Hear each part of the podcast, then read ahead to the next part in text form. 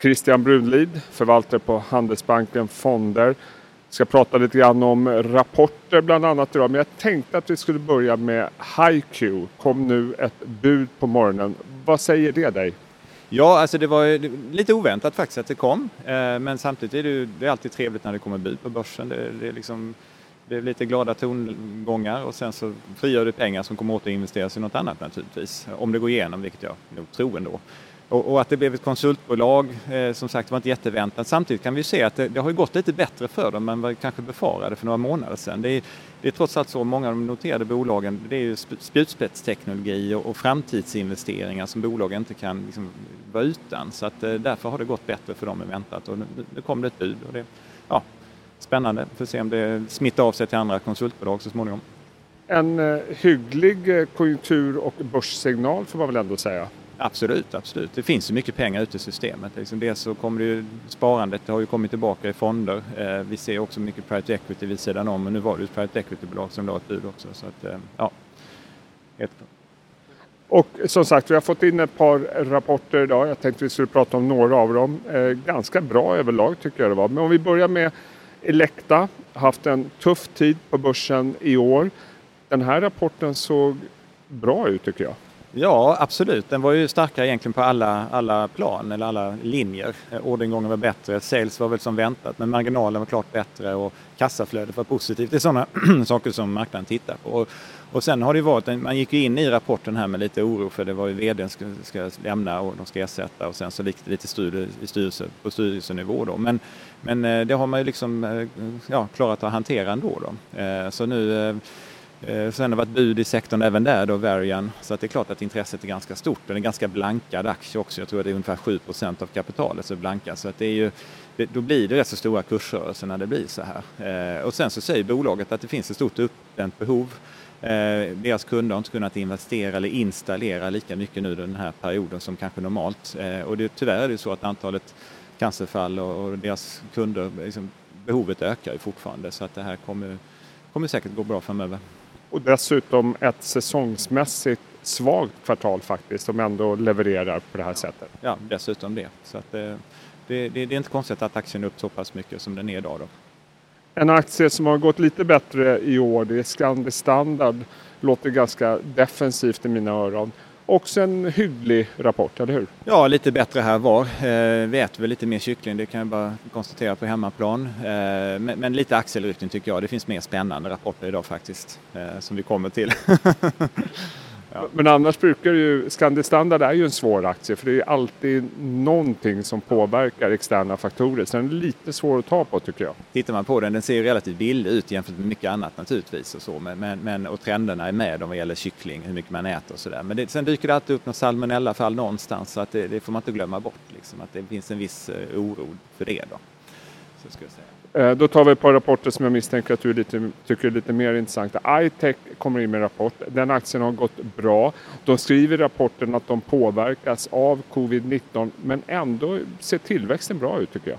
Ja, det, det, det är hygglig tillväxt. Nu är det från små tal naturligtvis och, och fram, de har ju framtiden för sig. Det här kommer att bli ett ganska stort bolag tror jag några år fram i tiden för den, deras teknologi vinner allt mer mark. De säger ju att det, det är i, i branschen det som är, det är bottenmålning av, av fartyg och, och, de har vuxit mer än branschen i snitt, vilket är bra. De kommer också in på nya färgtillverkare eller färgproducenter. Så att det här, eh, jag tycker det lufsar på som det ska. Eh, och, och, det viktiga var, det, ja, det visst tillväxt. De hade också lite positivt kassaflöde, så det var bra. Eh. Lite försiktiga framtidsutsikter, men det misstänker jag är som förväntat? Ja, det är det lite grann. Det är klart, eh, deras kunder är redare oftast och de har lite osäkert eh, vad, vad, vad, händer med volymer, fraktvolymer och sådär framöver. Nu, nu, är det väl lite bättre nu än för några månader sedan. Men det är också, de ska in på varv, det ska målas om. Det som är positivt just nu är att många båtar står stilla och det innebär att det växer på rätt mycket ja, ja, påväxt på bottnarna på fartygen så då uppenbaras problemet eh, än mer vilket då iTechs produkter eh, hjälper till och att, man inte, att det inte blir samma påväxt helt enkelt. Så att eh, eh, behovet av deras produkter ökar ju kan man säga. Och avslutningsvis SmartEye, tillväxt trots corona skriver bolaget. Hur var rapporten? Ja, den var bra, de växer lite grann. Men det, det, det som mest spännande ska jag säga, det är tongångarna från vdn. Han, han, han skulle egentligen nog vilja skriva väldigt mycket mer än vad han kan. Eh, det, det är uppenbart. Nu, nu går man in det man har order på nu det är så att säga första generationens teknologi inne i bilarna. Men nu, nu går man in i andra generationens teknologi och det sker upphandlingar där. Eh, det här är ju mycket mer avancerad teknik. Den första teknologin är med att man, man, man kan följa vad man tittar på med ögonen. Men nu kommer det in tracking-teknologi i bilarna som, som kan liksom se hur många barn är det i baksätet och är de fastspända eller inte har du, vad ligger din mobiltelefon? Alltså som har mycket större övervakning som är stort intresse. Och de där upphandlingarna pågår och de har nog kommit ganska långt tror jag. Eh, vdn skriver mellan raderna, utläser jag i alla fall, att de har att de har lyckats väl i det här. Så det kan nog bli en ganska spännande höst här tror jag, eller framöver, där det kan komma en del nyheter kring det. Och det, det, det verkar marknaden också tolka det som, så aktien går ju bra. Då. Så att det är spännande, helt klart. Ja, fyra rapporter som får godkänt får man väl ändå säga. Om, om vi ska summera det andra kvartalet. Ehm, förväntningarna var låga. Man kan konstatera att det blev bättre utifrån förväntningarna. Men du brukar ju följa det här nitiskt, de här kvartalsrapporterna och har din egen modell. Vad säger den? Ja, vi följer ungefär 260 bolag liksom på kvartalsbasis där vi sätter betyg på olika sätt. Och då, då kan vi konstatera att den här rapportperioden, alltså Q2-rapporterna, var den bästa på väldigt länge. Eh, och när vi tittar tillbaka, vi har gjort det här i 45 kvartal så har vi ju ganska lång historik då. Eh, och när vi tittar tillbaka på en period som, som uppvisar något liknande så var det 2009. Nu är det många år sedan sådär, men man har hållit på ganska länge med det här då. Men 2009 hände samma sak. Då hade vi haft en ganska jobbig finanskris, allting var nedkört i botten. Men någon gång där under 2009 började saker och ting vända upp igen. Och halvårsrapporterna den gången, 2009, var en sån här riktigt, riktigt bra period. Då låg också analytikerna för tok för långt men, men ekonomi eller det underliggande växte snabbare än vad analytikerna vågade hoppas på. Och det är lite det vi har sett nu också att det var ju väldigt nedtryckt i mars, april och maj men sen tog det fart och det överraskade positivt. Och vad jag tror nu att det är inte helt omöjligt att, för att vad som hände sen efter Q2-rapporterna 2009 var att Q3-rapporten blev också väldigt bra.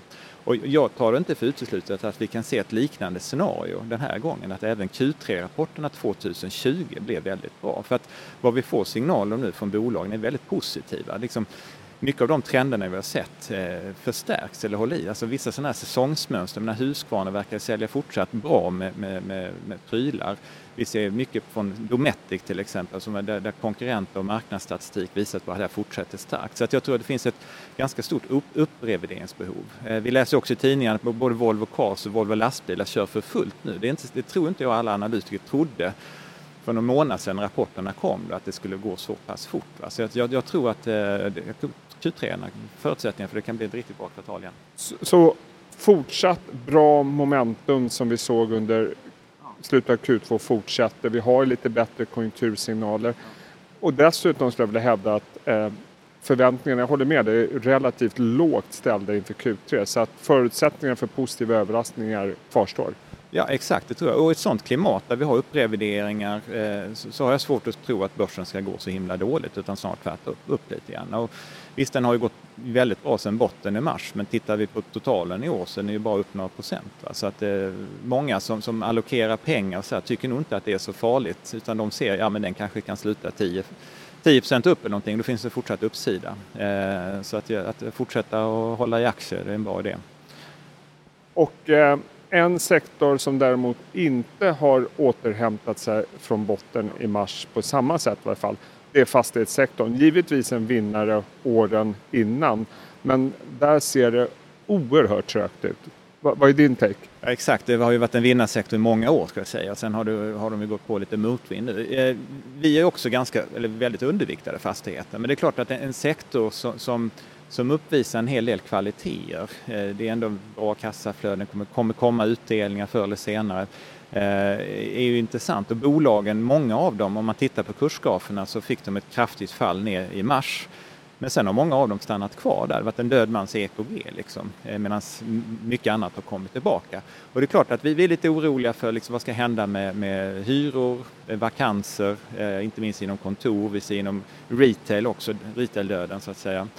Eh, och eh, sen har det varit på sistone faktiskt någonting som påverkar lite på marginalen. Lite, eh, det är ett par förvaltare, ett par stora svenska fastighetsfonder som, som lämnar. Då blir det också lite så här oroligt i marknaden. Vad ska hända där? Blir det utflöden eller vad, vad, vad ska den nya förvaltaren som kom in en vecka då göra? Så då, då känner man att det, det, man har inte, behöver ha så bråttom in i fastigheten. Men, men jag skulle säga det jag letar efter där det är ju signaler i marknaden, i direktmarknaden, att det börjar göras lite affärer så att vi får bekräftat liksom, vad är, vilken nivå är värderingen på nu då? För att det är också en sån där, när bolagen kommer med halvårsrapporter, det är ingen som riktigt tror på värderingarna för det har inte gjorts några affärer. Eh, men kommer det igång, eh, det, det skulle jag vilja titta på, det är en trigger ska jag säga. Sen Q3-rapporten också kanske. Så förutsättningarna för fastighetssektorn, fundamentat som vi har sett tidigare, kvarstår till mångt och mycket? Ja, det ska jag säga. Alltså räntenivån är ju jättelåg. Många bolag har ju passat på att omfinansiera sig och, och på olika sätt så att det har varit bra.